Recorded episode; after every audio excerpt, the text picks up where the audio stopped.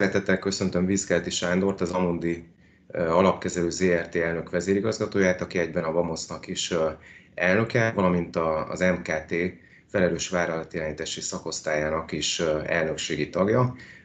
Jó reggelt kívánok, és azt mondom, hogy tulajdonképpen a mai témánk a fenntarthatóság és az ESG, és egy nagyon klassz prezentáción fogunk végig szaladni együtt, amiben én vagy bele fogok kérdezni, vagy vagy, vagy kapcsolódóan én is mondok hozzá valamit, hiszen a tőzsdének most ezekben a kis interjúban az a, az a célja, hogy megismertesse a teljes ESG értékláncot, a kibocsátó vállalatok oldalától egészen a végfelhasználókig, a befektetőkig, és Sándor fogja tudni képviselni azt a professzionális látásmódot, amit a hazai intézményi befektetők tudnak és ismernek, azokat a kihívásokat is ismertetni fogja velünk, amikkel a hazai alapkezelők ugye szembesülnek mostanság. Akkor megkérdezek Sanyi, hogy akkor indítsuk az előadást.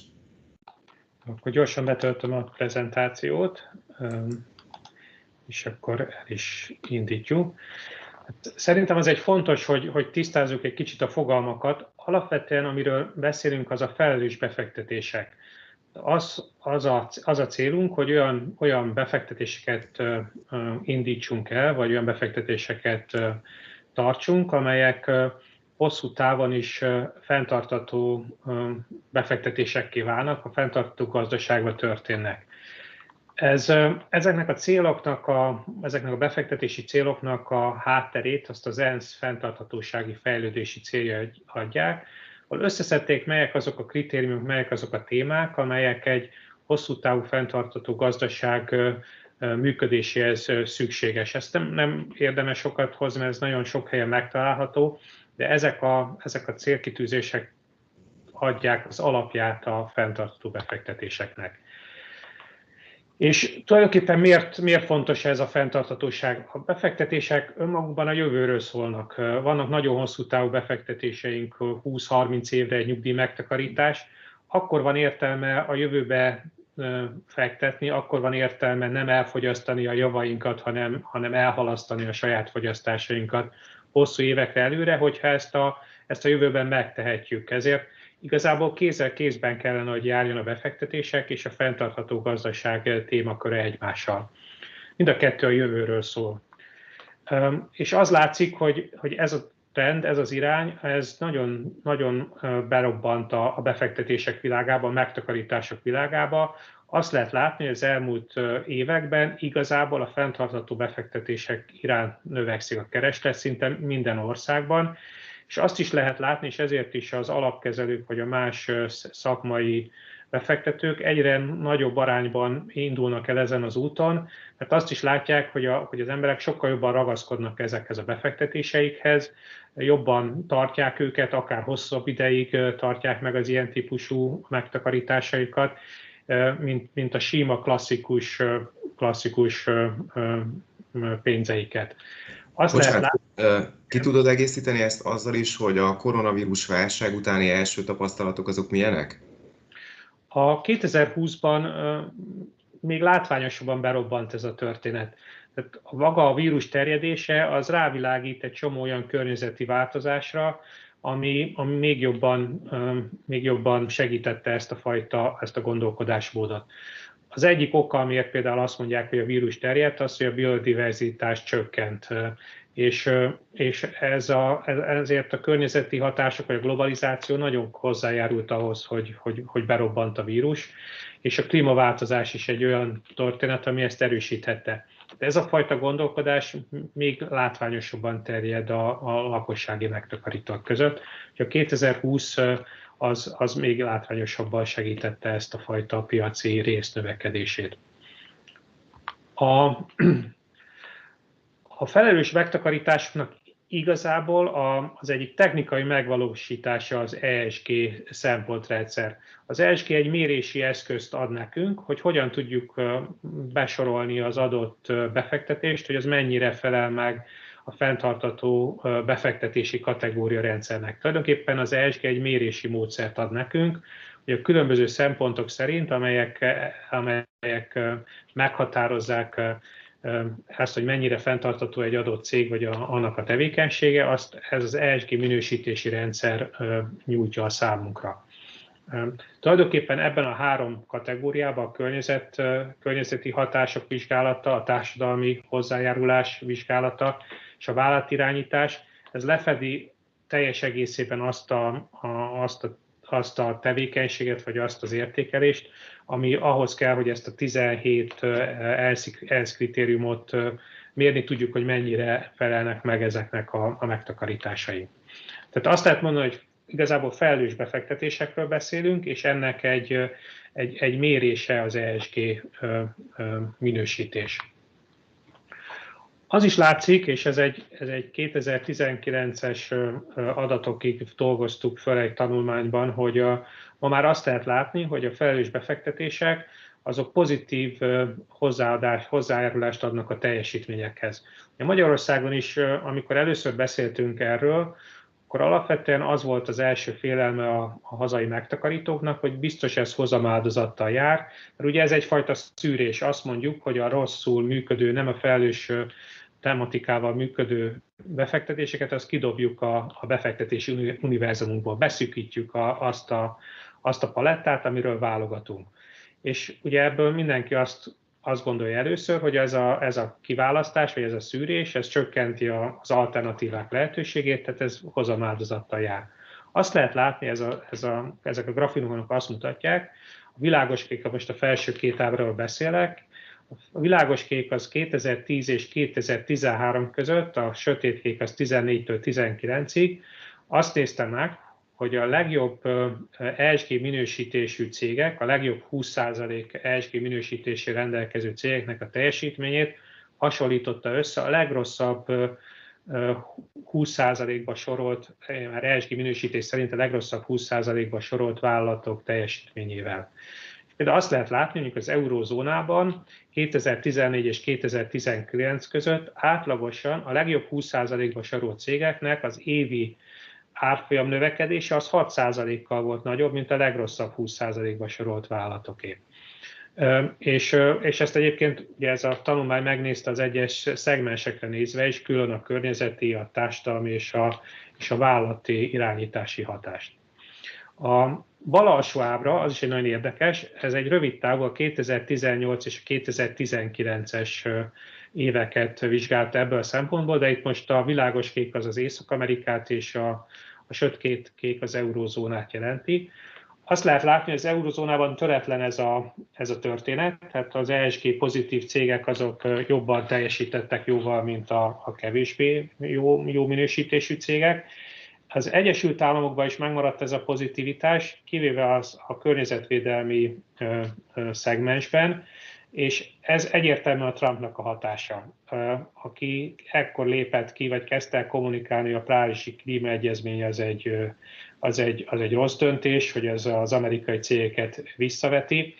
Ugye ebből még, még egy másik dolog is következik, az hogy, az, hogy ezek a cégek jobban teljesítenek, annak két két oka van. Egyrészt valószínűleg a jobb cégek foglalkoznak az ESG minősítéssel, akiknek nagyobb tartalékai, nagyobb stábja van, akik felkészültebbek és tudnak ilyesmire áldozni. Tehát ez a fajta szűrés a jobb cégeket választja ki a rosszabbakkal szemben.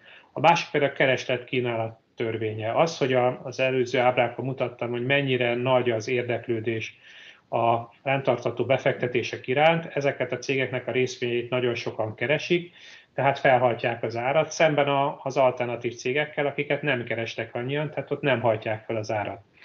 Ez a 2018-as, 19-es ábra azt mutatja, hogy ennek a, a kereslet-kínálati hatásnak is komoly súlya van a, a pozitív vagy negatív teljesítményekben. És az utolsó ábra is nagyon izgalmas szerintem, az a az egy másik tanulmányban van, hogy a fejlődő piaci cégek teljesítményét hasonlította össze a fejlett cégekkel kapcsolatosan. De az látszik, hogy a fejlődő országban még nagyobb pozitív hatása lehet egy ESG pozitív minősítésnek. És ennek is van egy, ez egy, van egy magyarázata, vagy egy jól érthető magyarázata. Általában a fejlődő piacokon a, a részvények komoly diszkonttal kereskednek. És ennek az az oka, hogy a fejlődő országokban a vállalatirányítási kultúra, a felügyeletek, a, a jogszabályi környezet, a környezetvédelmi, csó minden, az, az fejletlenebb, mint a fejlődő országokban, ezért kevésbé bíznak a befektetők azokban a vállalati adatokban, amit a fejlődő országokban publikálnak a cégek. Ezért van az, hogy mondjuk egységnyi profitra, a, a, amit egy fejlődő országbeli cég ér el, sokkal kisebb részvény árfolyam jut, tehát a PI mutatója általában a fejlődő országnak alacsonyabb a fejlett piacokhoz viszonyítva. Ha most egy fejlődő országbeli vállalat vállalja azt, hogy, hogy nekiugrik ennek az ESG minősítésnek, ez azt is jelenti, hogy a vállalat irányítási szempontból sokkal átláthatóbban, prudensebben működik, kinyitja a tevékenységét, megcsinálja azokat a riportokat, létrehozza azokat a bizottságokat, megnevezi azokat a felelősöket, akik, akik ezt, akiken számon lehet kérni a döntéseket, nyilvánosságra hozza a, a, bordanyagokat, tehát egy sokkal átláthatóbb működésre kell, hogy átálljon. Ez azt jelenti, hogy ezt a diszkontot drasztikusan csökkenteni tudja, amit a, a többi fejlődő cég nem, nem teljesít. Hát, hogy ezért ez a magyar szempontból is nagyon izgalmas, mert ugye Magyarország is a fejlődő országok közé tartozik. Tehát a magyar cégek diszkontját is tudja azzal csökkenteni, hogyha elindul ezen az úton. Hogy ez pontosan hogyan is működik, ma még nem igazán egyértelmű, nem igazán alakultak ki azok a standardek, hogy az ESG minősítés hogyan készül el, milyen szempontokat vesznek figyelembe, ezért a nagyobb cégek egyelőre felkészültek, hogy saját módszertant alakítanak ki, saját maguk is végeznek elemzéseket, illetve minősítéseket. Az Amundi is, is, is belát ebbe a történetbe. Természetesen nem tudja teljes egészében saját maga csinálni, ez leginkább adatfeldolgozás. Rengeteg információt kell összegyűjteni a vállalatokról, a kibocsátókról, ezeket értékelni kell. Például itt látszik ha ezen a prezentáción, hogy, a, hogy, hogy vásárolunk kvalitatív adatszolgáltatóktól konkrét vállalati statisztikákat, mondjuk a széndiokszid kibocsátás mennyiségét évente, vagy, egy, vagy például a, a vállalatirányítással kapcsolatosan különböző mutatószámokat, és vásárolunk információkat kvantitatív adatszolgáltatóktól, akik szintén feldolgozzák ezeket, a, ezeket az információkat, és kialakítanak egy saját minősítési rendszert, ami alapján ők is megállapítanak valamilyen, valamilyen minősítést az adott kibocsátóról. Tehát ezeket a kvantitatív és kvalitatív adatokat összesítve alakítottak ki az Amundi a saját mérési, mérési rendszerét. És hogy mutassak egy példát, hogy ez hogyan is tud kinézni egy adott vállalat esetében, hogy az ESG analízis annak fontos, hogy iparág specifikus legyen. Egy bank szektorbeli vállalat, egy bank esetében például egészen más súlyt kell adni a környezetszennyezésnek, mint mondjuk egy gyógyszergyárnak vagy egy autógyár esetében, ahol hatalmas termelő gyártevékenység van, és komoly széndiokszid kibocsátása van. Egy banknál nem ezek a szempontok a meghatározók, hanem például a vállalatirányítás, a, a hitelminősítések, a, a különböző kockázati elemzések átláthatósága, illetve a prudenciája a, sokkal fontosabb.